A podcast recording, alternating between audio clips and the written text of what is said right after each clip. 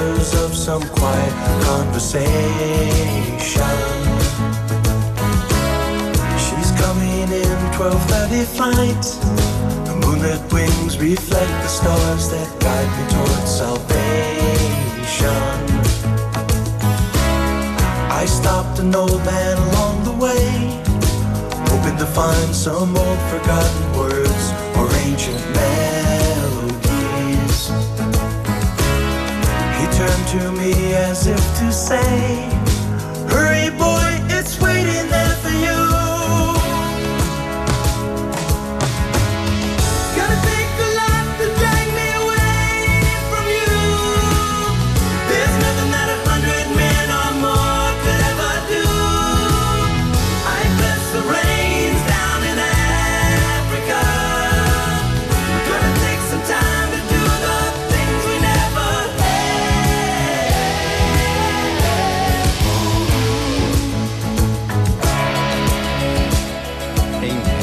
hele goede middag, beste luisteraars van Dorpsradio Laren. Het is woensdagmiddag net na vijven en we gaan weer van start met een uur vol safari-geheimen. Hier vanuit de studio in het altijd mooie Laren, Noord-Holland. Mijn geboortedorp. Dorpsradio Laren, het radiostation voor Laren, het Gooi en omstreken. Maar te beluisteren vanuit alle hoeken van de wereld via de gratis app van Dorpsradio Laren of via de website dorpsradio.nl. Mijn naam is Frank Ransijn, oprichter van Safari Secrets podcast-host van de Safari Podcast Mijn Afrika, Mijn Wildlife. In deze podcast probeer ik enthousiaste natuur- en wildlife-liefhebbers te inspireren om te reizen naar de mooiste en beroemdste natuurgebieden van Afrika, India of elders. Safari Secrets helpt u, jou, bij het samenstellen van een once-in-a-lifetime safari. Dit betreffen dan duurzame safari-reizen waarbij waarbij jij een positieve impact achterlaat op de bestemming door middel van steun aan de natuur, het wildlife en de lokale communities. Vandaag de gast in de studio. En daar ben ik best een beetje boel trots op dat zij mijn gast wil zijn vandaag. Auteur en wildlife dierenarts van Artes en Stichting AAP. Namelijk Martine van Zeil Langhout. Martine, welkom. Ja, superleuk om hier te zijn. Eh, Frank, dank voor de uitnodiging. Graag gedaan. En eh, zo ben ik inderdaad heel blij dat jij hier vandaag wil komen vertellen over, eh, nou ja, vooral alles wat jij gewoon in je leven als wildlife dierenarts hebt meegemaakt. Maar natuurlijk ook over je boek. Het boek over leven in het wild. En daar denk ik heel vaak over. Van dat, dat is multi-interpretabel eigenlijk. Hè? Want het gaat natuurlijk over overleven in het wild. Komen we zeker op terug. Maar het gaat ook wel gewoon over het leven in het wild. Zowel in Afrika als het, leven hier. Dus je hebt een geweldige titel gekozen. Ehm, nou, zoals altijd eh, heb ik een, eh, stel ik altijd een waslijst aan vragen op. We gaan zien waar we komen. Maar mijn eerste vraag is altijd... Wie is mijn gast? En wat houdt hem of haar bezig? En dan mag je alles over kwijt wat je erover kwijt wil. Dus wie is Martine? Hele, je begint echt meteen met een hele filosofische vraag, Frank. Want het leven in de wildernis leert je onder andere dat wij niet anders zijn dan een tijdelijk natuurverschijnsel. En dat is ja, ook eh, wat ik een beetje in mijn boek probeer te delen. Dus wie is Martine? Ja, dat is een lastige vraag. Maar meestal verwachten mensen dat ik antwoord... ik ben dierenarts, ik ben vrouw, Nederlander, eh, dat soort dingen. Ehm, dus ja, ik ben... ehm, een hele enthousiast gepassioneerde dierenarts. En ik eh, beoefen al eh, dit jaar trouwens, is het mijn jubileum, 20 jaar. Al twintig jaar? Ja, oh, ben ik eh, heel gelukkig dat ik dierarts mag Ja. zijn. Ja. En ja, ik maak geen onderscheid tussen diersoorten. Ik vind kikkers, padden en olifanten allemaal net zo interessant. Leuk. En ik heb het geluk gehad om heel veel mooie dingen mee te maken met wilde dieren. Ja. En eh, ja, ik vind het heel fijn dat ik die verhalen mag delen. Want deze dieren hebben geen stem. Dus ja, dat is een beetje mijn missie in het leven. Ja, Om eh, ja. die stem dan te, te zijn voor die dieren. Nou, ik ben blij met die missie. Want uiteindelijk ben je gelukkig niet de enige die deze missie heeft. Maar we denk ik dat we allebei vinden dat er nog veel te weinig mensen deze missie hebben. En dat er veel te weinig bekend is hè, over hoe het er met ons dierenrijk voor staat. Ondanks dat het in het nieuws is. Maar ik denk dat veel mensen geen idee hebben. Maar daar ga jij hopelijk zoveel mogelijk over vertellen. Want dan moet ik niet de wijsneus gaan uit, uit zitten hangen. Ehm, dus dank je wel daarvoor. En dan is mijn tweede vraag eigenlijk altijd wel een beetje... en als je het boek leest... Maar dat moeten mensen later ook zeker na deze uitzending gaan doen. Boek bestellen en gaan lezen. Want het is een fascinerend mooi boek. Waar komt jouw fascinatie en interesse of liefde vandaan voor de roeping die je zojuist omschrijft? Om iets met wildlife te willen doen en die dieren een stem te geven. Ja, het is eigenlijk heel mooi gebeurd in mijn leven. Het is niet echt een keus geweest. Het is echt, eh, mensen zeggen ook, goh, wat stoer dat je alleen naar Afrika bent gegaan. Ik ben enkele reis naar Afrika vertrokken. Maar echt stoer was het niet. Want als je een roeping hebt, dan is dat niet echt een keus. Ik geloof niet dat ik iets anders kon doen. Nee. Dus dat vind ik ook wel grappig. Van ja, zo stoer was het eigenlijk niet. Want ja, ik moest gewoon gaan. En dat is een beetje ook met mijn missie om dierarts te worden. Ik denk dat dat een groot geluk is. Dat je op jonge leeftijd al weet wat je wil doen. Ik was een jaar of vijf dat ik op de boerderij bij mijn tante altijd kwam. Die had een melkveehouderij. Ja. En honden, katten, schapen, paarden, koeien. En ja, ik vond het daar zo heerlijk. Ik was als, eh, ja, ik wilde het liefst daar zijn. En eh, ja, als de dierarts dan kwam eh, op de boerderij, nou, dat was voor mij echt eh, met grote ogen. Ja, keek ik dan naar wat die man aan het doen was. Ja. En, en toen zag ik op een gegeven moment een keizersnee. En mijn oom vertelde later dat ik een grote straal bloed midden in mijn gezicht kreeg. En ik was vijf. Ja, Maar ik, eh, ik schrijf het, ik veeg, veeg Ja. gewoon weg Ja. en ik ga door met. Ik ben ook dan niet bang voor Nee. bloed of zo. En, Nee. en die man ging met zijn hele arm in die koe. En ik vond het fascinerend. Dus ik zeg ook altijd tegen mensen: mijn grootste droom was keizersnede bij koeien doen. Mhm. En eh, later ben ik vrijwilligerswerk gaan doen in een zeehondenopvangcentrum in San Francisco. Toen Ja. was ik 19. En toen werd ik heel erg geraakt door die eh, zeeleeuwen die wij daar opvingen en ook weer loslieten. En Ja. toen gebeurde er iets in mij omdat ik die zeeleeuwen los zag gaan. Die, die zwommen de zee in. En die dieren waren volledig onafhankelijk van mensen. Mhm. En dat vind ik zo mooi van wilde dieren. Dat wilde dieren ons laten zien dat de wereld veel groter is dan het mensenwereld. En wij zetten ons altijd centraal. Maar dat is natuurlijk niet de werkelijkheid. De werkelijkheid is dat er heel veel soorten zijn die allemaal hun eigen leven leven. En die helemaal niets met ons te maken hebben. Nee. En, maar wat ik ook merkte tijdens die stage is de- dat wij mensen zoveel impact hebben. En daar wilde ik iets aan doen. Dus toen had ik, was eigenlijk het zaadje geplant om eh, wildlife dierarts te worden. Mooi, Ja. mooi. Want ehm, kijk, je zegt wel, het was voor mij gewoon, het was gewoon een intuïtief iets wat ik moest doen. Maar die weg, die weg daar naartoe is echt niet een weg over rozen geweest. Toch? Je hebt best wel Nee. vele wegen moeten bewandelen. Eerst volgens mij op het Engelse platteland waar je aan het werk ging. En nou, je hebt eerst wel wat stappen moeten doorlopen. En toen ook weer de stap om je studie te gaan doen die je zo graag wilde doen. Dat was ook allemaal niet een, een zekerheidje. Je hebt er echt wel, echt wel veel voor moeten doen om uiteindelijk die plek volgens mij te bereiken waar je wilde zijn. Toch? Ja, het was een hele lange pad. En ik denk, daar probeer ik ook via mijn boek mensen mee te inspireren. Want het gaat eigenlijk niet alleen maar over wildlife dierarts. Het geldt voor alle mensen die een droom hebben. Het gaat ook vooral van, goh, wat, hoe bereik je een droom? En het interessante is, ik had een heel gezetteld leven in Nederland. En zoals de meeste Nederlanders, gewoon hartstikke leuk huis, leuke banen. En gewoon helemaal, helemaal perfect eigenlijk. En gewoon lekker in je comfortzone. En eigenlijk had ik het helemaal voor mekaar. En weet je, ik was zo eind twintig en iedereen zo, van, nou, lekker settelen en zo. En het grappige is dat ik toen eh, als toerist naar Etosha National Park ging in Namibië. Ja. En toen zag ik één zebra. En toen begon ik van geluk gewoon te huilen dat ik het één zebra zag. Ja. En toen had ik zoiets van, ik moet voor die droom gaan. Maar ik weet als geen ander hoe moeilijk dat is om je zekerheden op te geven en uit dat bad te stappen. Het was voor mij letterlijk uit dat warme bad. En dan met je voeten op de koude vloer. En je weet niet wat er voor in de plek komt. Nee. Dus daar gaat het boek ook over. Van hoe spannend dat is. Mhm. En, maar hoeveel je ervoor terugkrijgt als je het toch doet. Ja. En ik heb mijzelf toen soort van beloofd. Ik ga er alles aan doen om, om wildlife dierarts te worden. Ook als het moeilijk is. Ook als het zwaar is. Ook als het gevaarlijk is.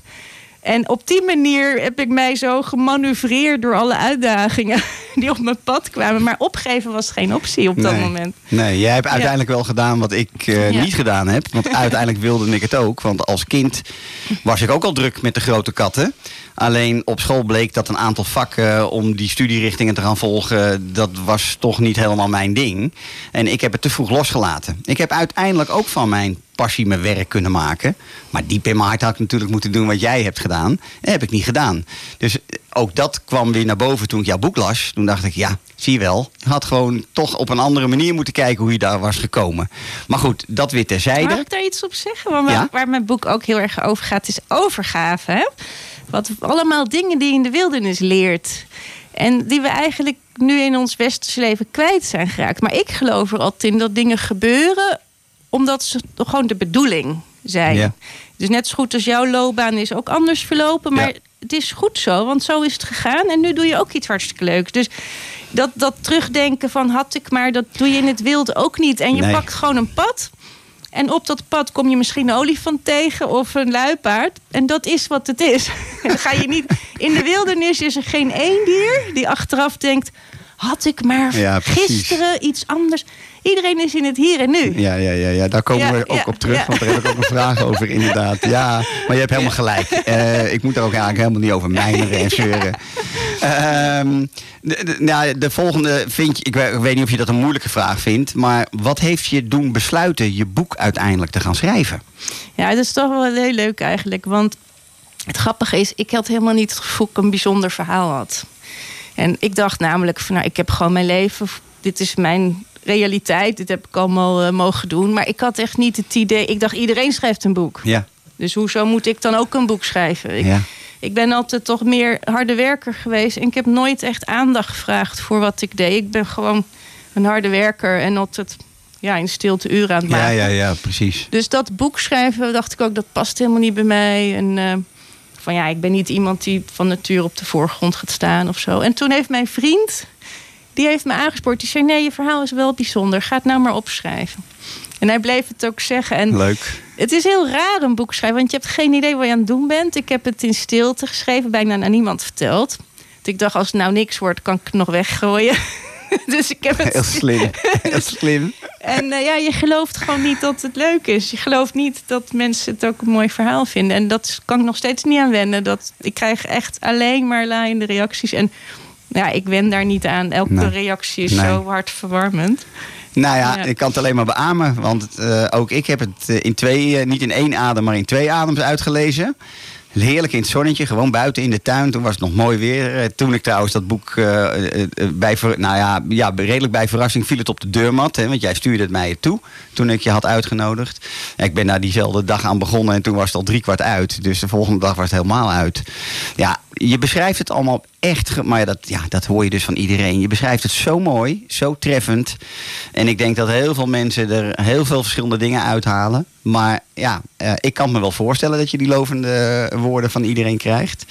Dus het is te danken aan je vriend. Nou, dank hem ook vanuit eh, Ja, mijn kant. ik want ook. ik- we zijn er allemaal blij mee. Ehm. Oké, voordat we direct een eh, muziekje gaan doen, wil ik nog één vraag eh, aan je stellen. Want ook dat is iets, ja, je beschrijft het, maar je mag het hier vandaag ook een klein beetje vertellen. Hoe vond jij, en dan sla ik het eerste stuk over. Dus ik begin echt even ook in mijn hele grote passie Afrika. Op een gegeven moment kom je in Afrika. En dan ga je eerste grote klussen met neushoorns. eh, het mooie verhaal van wandelen met neushoorns. En dat soort zaken gaan, gaan je overkomen. Hoe hoe vind jij dat je eh, je als vrouw altijd staande hebt kunnen houden in die, in die wereld vol ja, eh, situaties die je niet kan bedenken, gevaren, noem het allemaal maar op. Heb je daar ooit bij stilgestaan? Hoe je dat, hoe je dat voor als elkaar ik hebt achteraf gekregen? denk wat ik allemaal heb gedaan met zo weinig slaap ook. Want wij gingen altijd s'nachts leeuwen vangen bijvoorbeeld. En, en wilde dieren die eh, plannen niet. Dus ik verwijderde heel veel strikken bijvoorbeeld. En dan werd ik gebeld door een wildpark van ja, we hebben nu de leeuw gevonden. Kan je moeilijk zeggen, morgen ben je de eerste. Dan Ja. moet je gewoon nu komen. Want Ja. die leeuw die is natuurlijk weer verstopt. eh. Ja. Dus dan, en dan sliep ik wel eens twee uurtjes. En dan ging ik daarna weer giraffen vangen. Dat was wel gewoon dagelijks leven. Dus ja, ik denk eh, hele sterke wilskracht. Ik heb geluk dat ik een sterk lijf heb. Dat is wel echt eh, een zegen. Want mijn lijf die, eh, die blijft gewoon rennen. dus, ehm, En heb je vaak genoeg moeten doen. ja, ja, het is heel veel. Het is fysiek heel zwaar, maar ik Ja. vond het mentale stuk zwaarder nog. Ja. Het is hoge druk. Ik, ik zat vaak in een helikopter en dan gingen we twaalf neushoorns verplaatsen van park naar park. En dan ben jij wel degene die de leiding heeft over de hele operatie. Ja. En als jij dan niet goed schiet of je maakt verkeerde beslissingen, kan dat grote consequenties hebben. Dus Ja. het is wel constant presteren. En ja, alleen een tien is goed genoeg. Dus Ja. een negen kan niet. Nee. Dus dat vond ik soms wel zwaar. Maar ja, hoe ik het heb gedaan, ik denk eh, pure wilskracht en passie. Want ik hou zo ongelooflijk van die dieren. Dat als ik eh, contact heb met die dieren, dus ik heb een neushoorn behandeld, krijg ik zoveel energie en liefde van. Dat ik daarna wel weer vleugels heb om mijn volgende dier te behandelen. Mooi. Dus het voordeel was wel dat ik ook heel veel energie kreeg van wat ik Ja. deed. En heel fijn dat je dus goed kan tegen weinig slaap. Ik kan dat bijvoorbeeld niet. Ik heb echt acht uur nodig, anders ben ik heel zagrijnig. Maar ja, goed, dat gaat ongetwijfeld veranderen op het moment dat je niet anders kan. Je gaat ernaar acteren, ongetwijfeld. Maar het is wel fijn dat je met weinig slaap uit kan. En dat Eh, je... Ik denk dat het vergelijkbaar is met jonge ouders. Die hebben ook geen keus. Kan je ook niet zeggen, goh, ik laat mijn baby... eh, Nee. die geef ik even geen melk. Want kijk, ik had geen keus. Er wordt enorme druk op je gelegd als wildlife dierenarts. Ehm, dus ja, jij wordt gebeld en er is geen optie dan niet te gaan. Nee. En eh, met name ook mijn liefde voor die, die, die dieren zorgde ervoor dat ik altijd ging. Ik zou niet om mijn geweten kunnen hebben dat een, een, een leeuw eh, bijvoorbeeld een poot verliest omdat ik niet ging komen. Dus Ja, er was geen optie. Ik Nee. ging altijd. Ja. En eh, ik was altijd beschikbaar. Ja, dus dat vergt wel wat van de mens. Ja. Maar je ik kreeg er heel veel voor ik wil het terug. zeggen, je hebt het wel gedaan en je kreeg er heel veel voor terug. Ja. We doen een stukje muziek.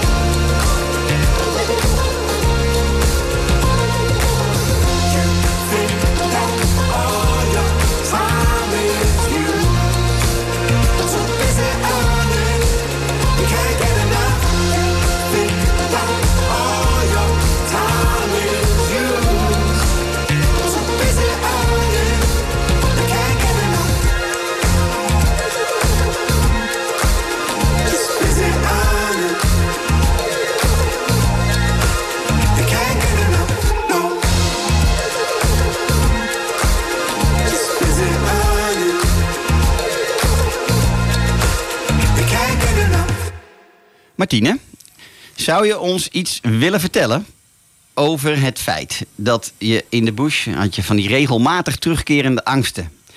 Eh, en, maar die hebben het nooit gewonnen van jouw rotsvaste droom om iets goeds te doen voor natuur- en wildlifebehoud. Kun je daar iets over? Kun je ons daar iets in meenemen? Want je hebt er nogal wat moeten overwinnen.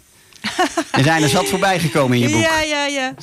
Nou ja, wat wel interessant is, dat die angsten eh, heel natuurlijk zijn. Dus dat je, ik denk dat je bedoelt dat ik in het regenwoud woonde en dat ik daar over olifantenpaadjes liep waar we olifanten tegen konden komen. En, Ja, maar, ook, op de snel- slangen, maar ook op de slangen. snelweg in Zuid-Afrika. Ja, en. En, en de car, Jack. Ja. eh, nou ja, eigenlijk op alle fronten heb je ze meegemaakt. Ja, wat ik zelf heel interessant heb gevonden is, ehm, en daarom ja, vind ik dat zo leuk om te delen, is dat, dat je dat kan leren. En eh, dat, dat vind ik ook belangrijk, dat je alles kan leren. Dus toen ik begon met wat gevaarlijker of wat uitdagender eigenlijk te leven. Want eh, in het regenwoud wonen is gewoon fysiek en mentaal heel uitdagend. En Ja. je kan elke dag doodgaan. Ja. Dat is gewoon een feit. Er zijn allemaal giftige slangen. En Ja. nou ja, die kom ik ook tegen. En die wonen om mijn tent. En ik moet regelmatig rennen, ook echt voor mijn leven. Maar het, wat ik zelf heel fascinerend heb gevonden... is bij mezelf te ontdekken... dat ik er steeds beter mee omging. En dat wat ik boeiend vind, is dat wij allemaal zo waren. Dus wij doen net alsof het leven wat wij nu leven altijd zo is geweest. Maar wij weten allemaal wel dat we vroeger oermensen waren. Ja. En ik denk zelf, en dit heb ik voor mijzelf, ik ben een meisje uit Gorkum. Er is niets avontuurlijks aan mij. Ik ben zoals elke gemiddelde Nederlander. Dus als ik het kan leren, kan iedereen het leren. Dus het is niet dat ik Crocodile Dundee als vader had. Nee. En, maar ik kon omgaan met die gevaren en die angst en het ombuigen tot leuk en uitdaging. Ja. En je bouwt op een gegeven moment, omdat je het vaker doet, ook zelfvertrouwen op. Dus dat vind ik wel boeiend. Dat we, ik denk dat wij in Nederland angst hebben die gewoon helemaal niet nodig zijn. We leven in een hartstikke veilig land. En wat ik in Afrika, zeker Zuid-Afrika, is een heel gevaarlijk land. Maar de mensen daar zijn minder angstig dan de gemiddelde Ja. Nederlander. Ja. Dus dat vind ik wel interessant, dat groeiproces daarin. En dat heb ik geprobeerd te delen. Dat, dat, eh, en ik denk dat we het allemaal kunnen leren. Nou ja, eh, ik vind dat nogal niet wat wat je zegt. Want ik denk ook dat er heel veel mensen zijn die die angsten gewoon niet aan zouden durven gaan. En jij bent inderdaad. Ja, je bent er, je lijkt blind, dat is natuurlijk niet zo. Maar ik bedoel, jij bent er ingestapt en je hebt ze allemaal gewoon één voor één eigenlijk neergesabeld. Maar kwam ze ook één voor één elke keer weer tegen. Want die borstolifanten bleven ook maar terugkeren. En iedere keer moet je maar weer zien of de Ja, tactiek maar- die je gebruikt, of dat ook weer eh, werkt. En of je er weer eh, heel huids uitkomt, toch? Ja, maar wat ik zelf boeiend vind, is hoeveel eh, invloed het heeft als een mens. Kleine, het kan ook kleine stapjes. Je hoeft niet meteen wildlife te worden. Maar Nee. kleine uitdagingjes wel doet. Ja. Dus dat angst eigenlijk een hele goede raadgever is om te groeien. Ja. Dus nu ben ik ook bezig. Wat vind ik echt eng en dan wil ik dat gaan doen. Want juist die angst is ook wel een manier om uit te vinden. Hé, hey, maar daar zit nog wat persoonlijke groei. Dat kunnen we nog een beetje Ja, rekken. ja. En als je dat een beetje in je leven. dan krijg je wel een, ja, een avontuurlijker leven. En dat kan in Nederland ook. Daar hoef je echt niet voor naar Gabon of Zuid-Afrika hoor. Oh, nee, oké, oké, oké. I'll take it. Hey, eh, ik ga het hebben over een groot deel uit je boek. Dat is het werk wat je gedaan hebt met gorilla's. En vooral, eh, en corrigeer mij als ik het niet helemaal goed zeg of niet goed onthouden heb. Volgens mij heb je hoofdzakelijk met laagland gorilla's gewerkt. En niet zozeer met berggorilla's, toch? Of in ieder geval in mindere mate. Want je beschrijft die verschillen, daar wil ik ook iets over weten zo. Eh, maar wat ik zo mooi vond, waar ik eerst naar wil vragen, is... in het boek vertel je over het feit dat je iedere kans aangrijpt mensen te vertellen... hoe bijzonder gorilla's eigenlijk zijn... En kun je aangeven waarom je dit zo belangrijk vindt? Ja, het is echt wonderlijk. Ik ben echt van mijn stoel gevallen toen ik het hoorde. Maar in Gabon zijn de mensen. ehm, die, de, waar, de mensen waarmee ik werkte waren pygmeeën. Dus oorspronkelijk oerbouwbewoners. Ja. En die leven daar in isolatie in dorpen. En tot mijn grote verbazing kwam ik erachter dat de informatie die deze Gabonezen krijgen over gorilla's, dat dat van de film King Kong is. Ja, precies. En ik heb, het, eh, ik heb alles uit het boek gecheckt. Ik heb gelukkig, ik ben, voel mij een zeer rijk mens. Ik heb met eigenlijk iedereen met wie ik heb gewerkt nog contact. Mhm. Dus ook met mijn eh, oude staf in Gabon. Mooi. En dat is heel wonderlijk. Die hebben nu opeens een iPhone. Dat, daar moet ik nog wel aan wennen hoor. Dat ik kan Dus appen kan met, appen eh, met mijn oude, oude staf in Gabon. Leuk. Maar ik heb dus dat gecheckt. Ik dacht, heb ik dat nou verzonnen? Nee, dat is niet waar. Dat is nog steeds zo. Eh, dat mensen daar gewoon niet voldoende informatie hebben. En eh, de meeste mensen in het regenwoud... die zien dieren gewoon letterlijk als vlees. Ja. En in het, Engels, in het Frans is dat viande. En dat noemen ze ook letterlijk zo. En alle dieren is gewoon vlees. Ja. En zij weten niet dat gorilla's heel bijzonder zijn. En mijn ervaring was, als ik dat gesprek aanging, dan zei iedereen automatisch: Oh, echt? Maar dan wil ik ze toch niet eten? Dat doen we toch niet? En, en ook wat ik belangrijk vind is trots. Trots. eh, de lokale bevolking die trots is op de dieren die ze hebben. En dat heel bijzonder is dat ze deze gorilla's in hun land hebben. Dus daar had ik wel een missie van gemaakt. Want er leven maar. Er wonen maar 2 miljoen mensen in Gabon. Ja. Dat is een hele kleine populatie. Dus ik dacht, als ik nou mijn kleine, elk gesprekje doe, dan kom ik nog op een aantal. En dan hoop ik dat zij het weer aan hun kinderen vertellen en die kinderen weer op hun school. En zo kan je toch een beetje invloed hebben, denk ik. Nou ja, ik vond het een waanzinnig iets dat je op een gegeven moment als doel had: ik grijp iedere kans aan om de, de lokale mensen te vertellen, of trouwens niet eens misschien alleen lokaal, maar om mensen te vertellen over de bijzonderheid van gorilla's. Ja, ik heb ze ook mogen zien. Ik heb dan eh berggorilla's in Oeganda gezien. En dan ook maar één keer. Hè. Jij bent er continu eh, eh, onder geweest qua werk. Maar ik ben ook in Gabon geweest. Ook maar kort. Maar heb in ieder geval dat regenwoud een beetje mogen proeven. Ik heb toen geen gorillas gezien. En dat is ook niet zo gek, want ook daar schrijf jij over. En ook dat vind ik juist zo leuk om de luisteraar toch te vertellen. Of jou te laten vertellen. Ehm, kun jij iets vertellen, wil je iets vertellen over het verschil van zijn of werken? Het kan allebei. Met eh, het verschil tussen laaglandgorilla's en berggorilla's. En ik ken het antwoord wel. Maar ik vind het, jij vertelt daar gewoon mooie verhalen over. Wil je daar iets over kwijt? Over dat Oh, ja. wel niet gehabitueerd zijn, Ja. bla bla bla.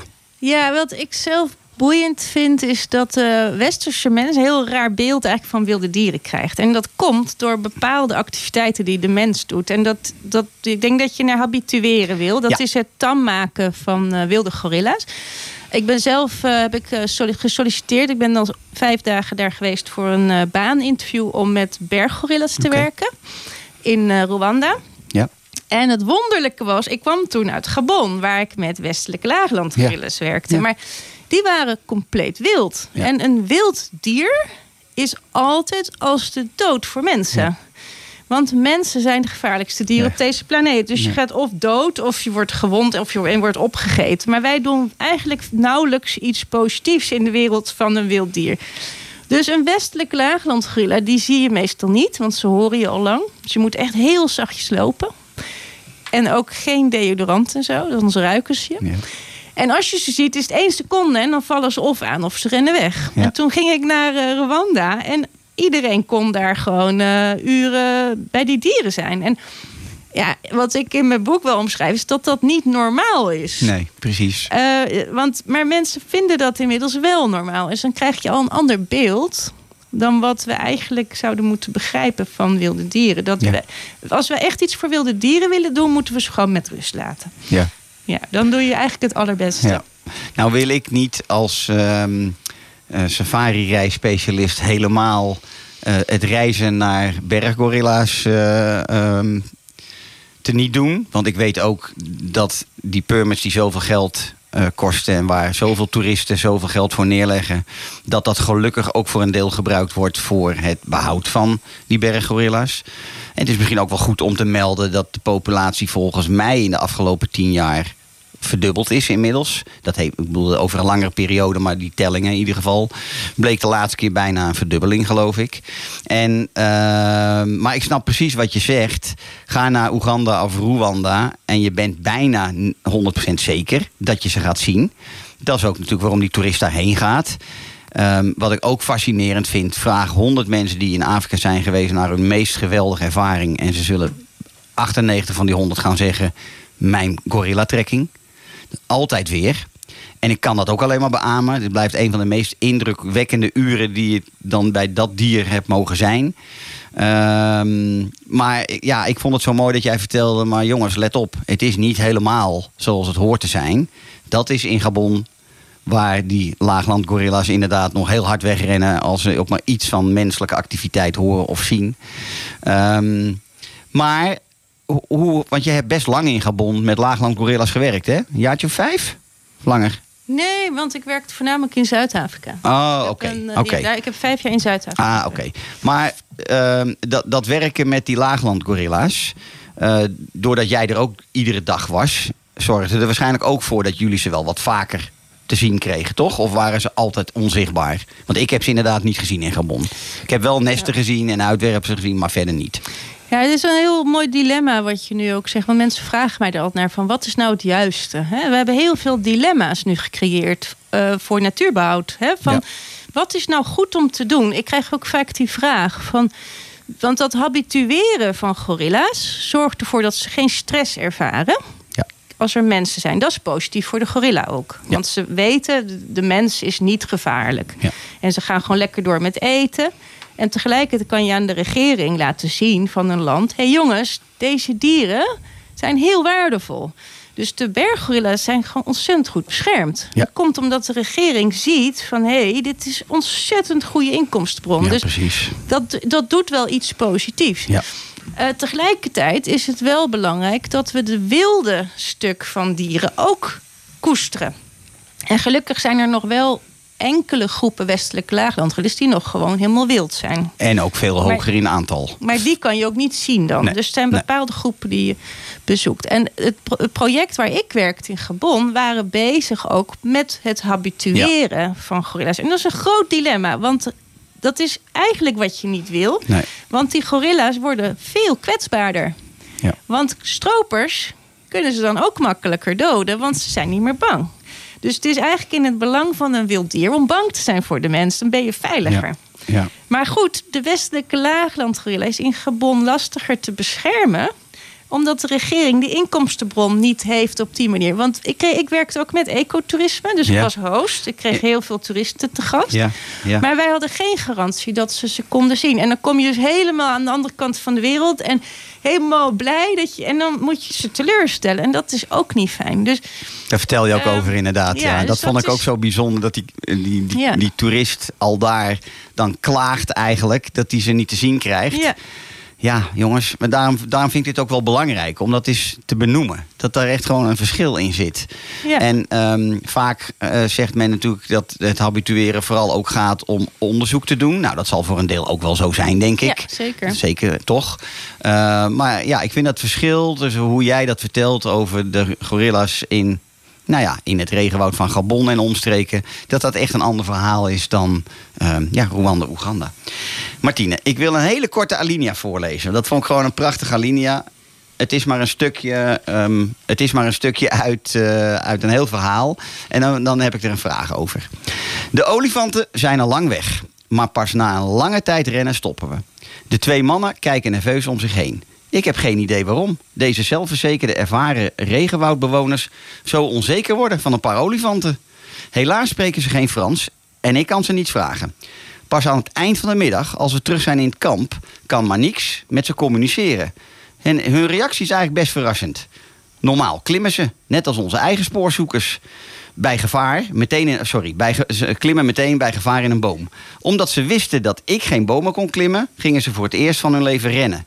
Ze hadden alleen, in tegenstelling tot onze eigen spoorzoekers, die al jaren met toeristen werken, geen idee hoe dat moest en hoe lang je dan rent. En iedereen lacht. Mijn vraag over deze alinea is eigenlijk: kun jij iets meer vertellen? Want dat vind ik er zo mooi aan. Dat de oorspronkelijke bewoners van dat regenwoud, die jou op dat moment ten dienst zijn. En volgens mij was dat een. ehm, nou, dat was niet je vaste ploeg mensen natuurlijk, hè, een paar, een paar eh, eh, eh, woudbewoners. Hoe is hun perceptie over ons je, wil je daar, want daar heb jij heel veel van meegemaakt. Nou, dit was achteraf een heel erg bijzonder moment. Wat ik op dat moment niet zo door had dat het zo bijzonder was. Want deze waren twee mannen uit heel diep regenwoud in Gabon. En achteraf ja, denk ik dat antropologen er ook in geïnteresseerd zullen zijn. Want deze twee mannen, die zagen er ook anders uit dan wij. Ze hadden wat langere vingers en ze waren klein. En ze liepen niet door het regenwoud, ze waren het regenwoud. Ze waren echt helemaal één. Ze, ze, ze vlogen door het regenwoud. En ik mocht met deze twee mannen een dag mee. En nou goed, op een gegeven moment eh, horen we dus olifant. En ik wa- was daar al een tijd, dus ik wist wel hoe dat moest. Dat rennen en hoe lang. En dan stop je op een gegeven moment. En ehm, ja, achteraf is het heel bijzonder dat zij wel wisten dat ik niet in bomen kon klimmen. dat heeft mijn leven gered. Want voor hetzelfde geld waren ze wel in een boom geklommen. Dus, eh, maar het is lastig, want ze spraken ook geen Frans. Nee. Zij spraken de lokale taal. Ja. Dus ik kon heel slecht met ze communiceren. Dus wat ze exact dachten op dat moment, dat weet ik niet. Maar ik zag een soort paniek van, jeetje, wat moeten we met haar? Want, maar het feit dat zij, eh, dat schrijf ik ook in mijn boek, Ja. dat ik heel dankbaar ben. En later bleek een van de twee een liesbreuk te hebben. Dus die heeft ook nog gerend met een liesbreuk. Dat ik echt dacht, oh, ik was zo dankbaar dat hij toch heeft gekozen om te rennen en niet in die boom te klimmen. Nee. Want deze mensen die klimmen echt zo snel in een Ja. boom, die hoeven helemaal Die nooit hoeven te niet te rennen. rennen. Nee. Eh, maar goed, nee, dat zou mij nooit lukken Nee. op die manier in een boom te klimmen. Nee, maar, eh, nee eh, ik, mij ook denk ik niet. Ja. Maar ik vond het zo mooi inderdaad dat ze dus inderdaad wel de perceptie hebben en weten dat wij blanken niet zo goed kunnen klimmen. Laten we het heel netjes zeggen. Dus het wordt rennen geblazen. Ja, ik, ik, ik vond dat wel. Maar jij hebt heel veel van dat soort perceptieachtige situaties meegemaakt, denk ik. Ja, dat Ja. weet ik wel. Want je vertelt op een gegeven moment ook een prachtig verhaal over een kindje wat heel ziek is. Wat jij eigenlijk alle zorg wil geven wat er maar mogelijk is. Ja. En aan het eind van het verhaal beleven zij dat gewoon heel anders. Ja. Toch? Dat is dat een was van... een heel mooi verhaal. een en dat van de levensbeschouwende dingen. mee, nou trouwens. Ja. Maar, maar wat ik wel ook belangrijk vind om te zeggen is dat wij mensen ehm, echt verbonden zijn met elkaar. En dat je zelfs met deze oerwoudbewoners, ik voelde me echt familie met hen. En hoe verbindend het is om met andere mensen in een gevaarlijke situatie te leven. En dat je dan opeens realiseert hoe kwetsbaar we zijn en hoe we elkaar ook nodig hebben. Dus dat vond ik, vind ik ook mooi. Dat ja, achtergrond en cultuur zo allemaal vervaagt als je met elkaar in het regenwoud moet Ja, ja, ja. overleven. Ja, ze, zijn, ze voelen echt als familie voor mij. Ja. Fijn, goed om te horen. We gaan een stukje muziek doen.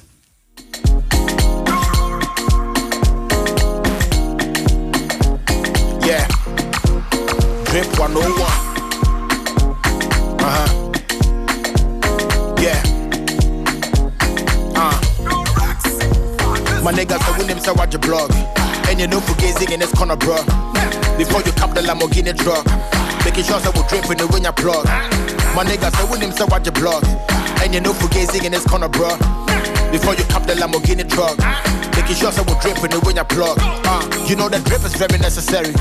Anytime you pull up, you gotta be scary. Sabana shopping, I be Sabini Pateri. Woody Gucci do now Coca-Cola Perry. I used to rock fakes, now we turned up. 450 on the fucking 10 top. It's like an addiction, nigga, we can't stop. If you can relate, let me see your hands up. Now on the dripping, now nigga, we get more. We'll be better than Louis, but I said no. Cause everybody be rocking the same shit. I'd rather pull up in the fucking vet more. Since you the dripping, oh, we know the big brands. Minye sika kwa na me got big plans. Rolling up, be replacing my wristband. Cause I wish I could there at distance. Charlie niggas say with him, watch your block. And they don't forget in this corner, bro. Before you cap the Lamborghini truck. Making sure I will drip when you win your plug. My niggas say with him, say watch your block. And they don't forget in this corner, bro. Before you cap the Lamborghini truck. Making sure I will drip when you win your plug. Would you me dripping each day, I won't your light bill. Cause a couple dollars saving for the right deal. Grills, the teacher, your friend is spotlight grill. Mason Margiela on an off-white sale. On a regular day, be Air Force Ones. The person me shop body, I me want me low down. Tonya, we see Cabelson, and me would me cheer. Last hour, just say we wish I could set go fan. Casablanca t-shirt on a chill day. Yeah, the card I swipe it, but we still day. Me the kaka tell me that I tell give way. Hope you're plugging and friend, it don't be eBay. Each and every morning with the pop dogs. Charlie no fugazi up a top class. Say dripping the one while we know they walk fast. Some shadows they, they reserve them for rock stars. What else? When them say watch your blog. No fugazi in this corner, bro. Before you cap the Lamborghini truck. Making sure I will drip when you when you plug. Huh? When them say watch your blog. And you know fugazi in this corner, bro. Before you cap the Lamborghini truck. Making sure I will drip when you when you plug. What else? Now.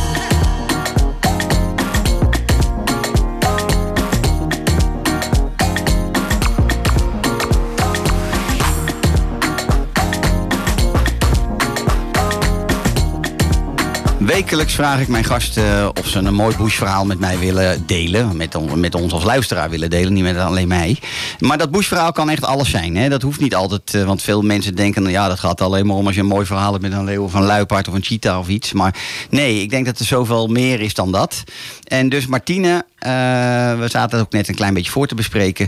Wil jij, wil jij jouw verhaal eh, vertellen aan de luisteraars eh, waar we het net over hadden?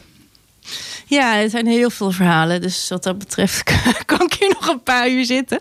Maar wat ik, eh, ja, wat eerst wat in me opkwam, was toch wel eh, het intens gelukkige gevoel wat ik had na het behandelen van een klein neushoornkalfje. Het kalfje was echt nog heel jong, een paar maanden. En, en eh, wij hadden heel veel last van okspekkers. ossen, die vogeltjes Ja, die, ja. eh, Die die, de teken- weghalen. Die zie je altijd op de foto bij buffels en zo.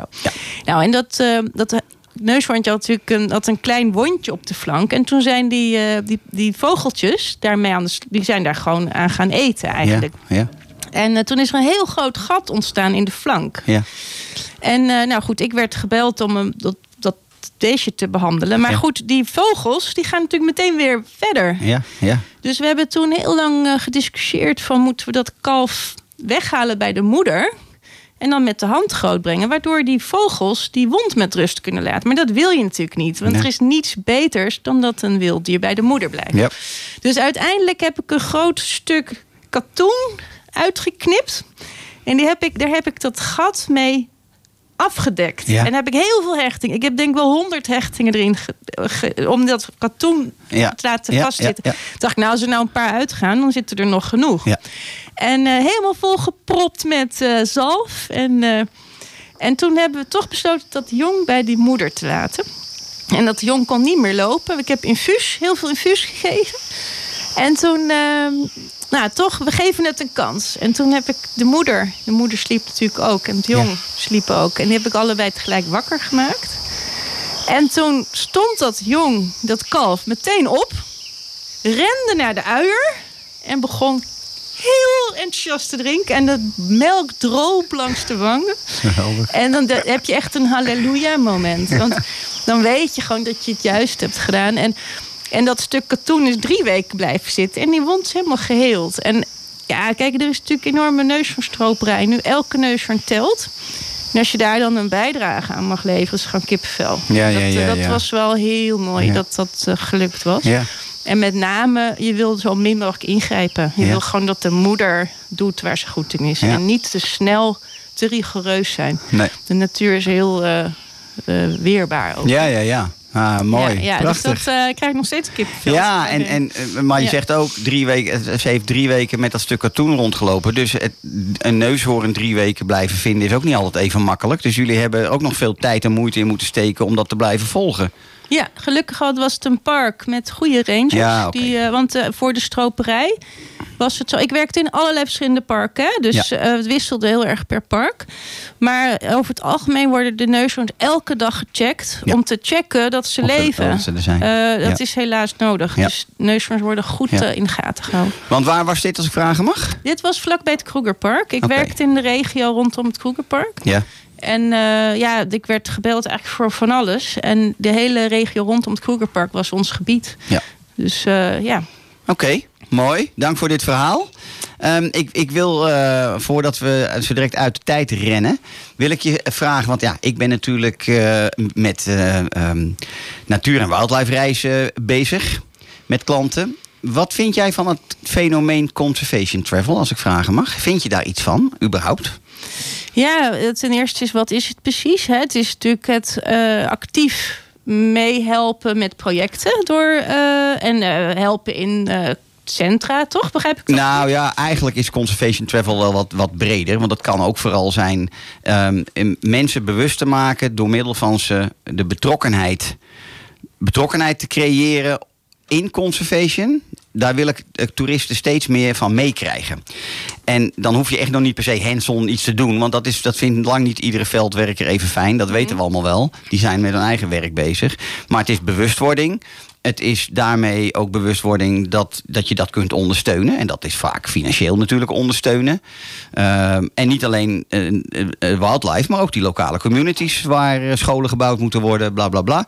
Ehm, maar er, ja, ik hou mij echt bezig met reizen die een positieve impact achterlaten op de bestemming. En dat is wat ik, maar ook de mensen om me heen wel conservation travel zijn gaan noemen. Niet alleen maar meer heel, heel passief op safari gaan, maar ook luisteren naar de verhalen van nou, onderzoekers en daar iets van meekrijgen. Of ja, gewoon, je kan het zo gek niet bedenken. Ja, maar ja, natuurlijk ben ik daarvoor. Want ik denk zelf het allerbelangrijkste is de lokale bevolking betrekken. Hè? Dat is de enige toekomst voor natuurbehoud. Ja. Ehm, kijk, eh, je moet je voorstellen dat veel mensen het zwaar hebben. Hè? Die hebben ook eh, honger en, en ze het leven is heel erg zwaar in Ja. heel veel stukken van Ja. de wereld.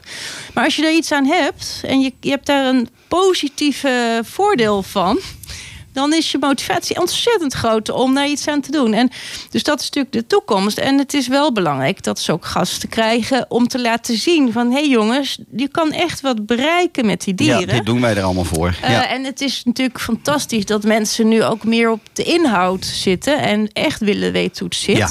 Dan dat ze alleen maar op safari gaan en een paar foto's maken en naar Ja. de champagne gaan. ja, precies. Dat Dus is dat je- je- de wat ik mensen bedoel. worden hier ook weer meer actief. En dus we moeten, ja, zeker. Ik denk dat het belangrijk is dat mensen ook die betrokkenheid voelen. Ja. Want er is ongelooflijk veel mogelijk. En, Ja. en het geeft zo'n goed gevoel hè, om iets positiefs te doen voor de natuur en voor wilde dieren. Dus alleen dat al is een goede reden, toch? Ja, ja, ja, goed. Maar ik was inderdaad gewoon benieuwd naar hoe jij daar Ja. eh, tegenaan kijkt. Ehm, nou had ik je graag ook nog eh, willen vragen. Je, je, je, hebt, een heel hoofdstuk over, eh, over leeuwen in je boek. De leeuwenpopulatie eh, gaat natuurlijk gewoon niet goed. Al heel lang niet.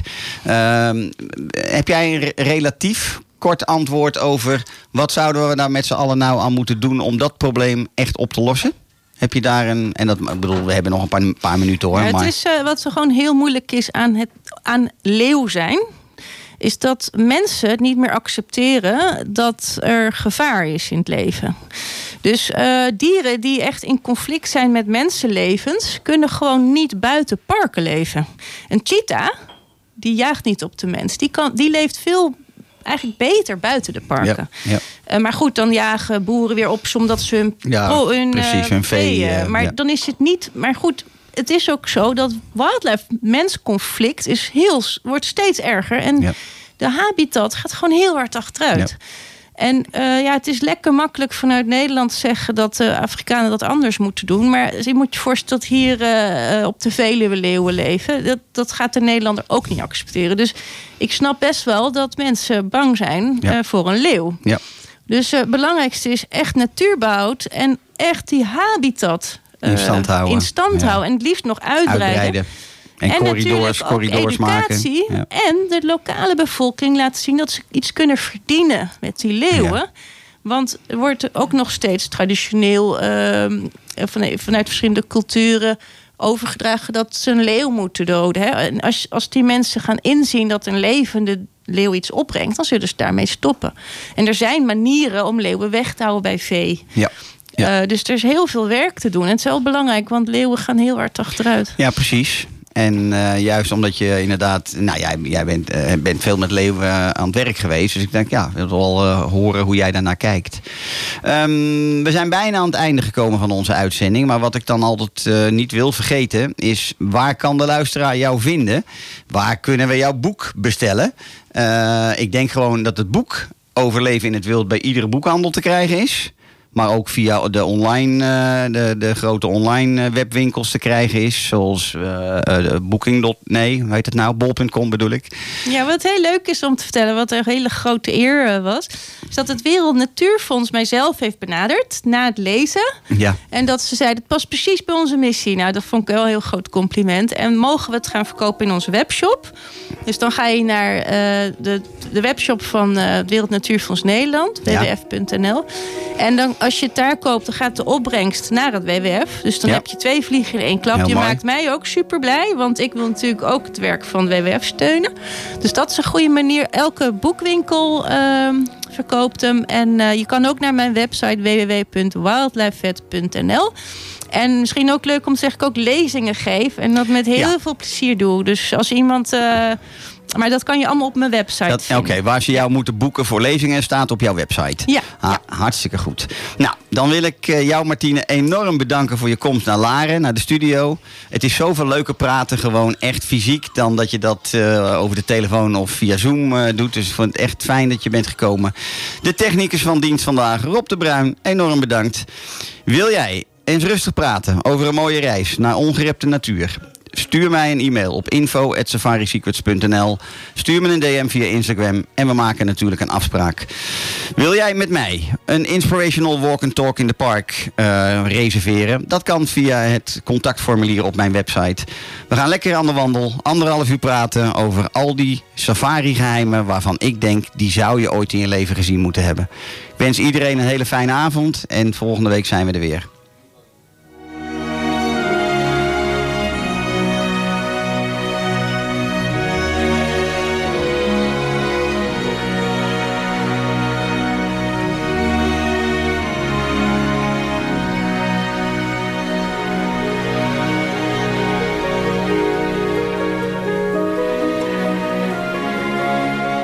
Oké, Martine, ik begreep dat jij nog iets wilde, iets wilde zeggen. Nou, ik wilde jou nog even bedanken voor de aandacht voor wilde dieren. En dat je Ah. gewoon de wildernis naar Laren brengt. Ja, dankjewel. Dat vind ik gewoon ontzettend leuk. Want ik, mij, ik denk echt dat we met z'n allen veel meer aandacht moeten hebben voor wilde dieren en de natuur en, en de wildernis.